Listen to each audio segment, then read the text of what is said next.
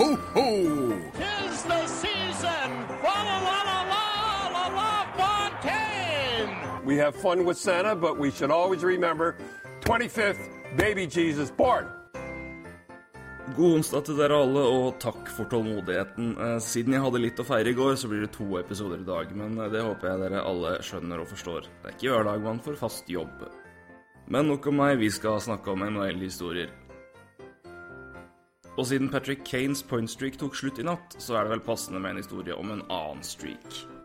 Wayne Gretzky tok rekorden for den lengste pointstreaken fra Gile Fleur i 1982-83-sesongen, da han skåra poeng i 30 kamper på rad. Men neste sesong så tok han rekorden til nye høyder. Gretzky knuste sin egen rekord og stoppa etter å ha skåra poeng i 51 kamper på rad. En rekord som skal godt gjøres å slå. Men Gretzkys streak hadde faktisk større påvirkning på en av hans lagkamerater enn det hadde på Gretzky sjøl. The Great One slet nemlig med en vond skulder mot slutten av streaken. Det var visstnok så ille at han slet med å løfte kølla med den armen. Så Oilers-trener og GM Glenn Sather lova Gretzky en pause når streaken tok slutt.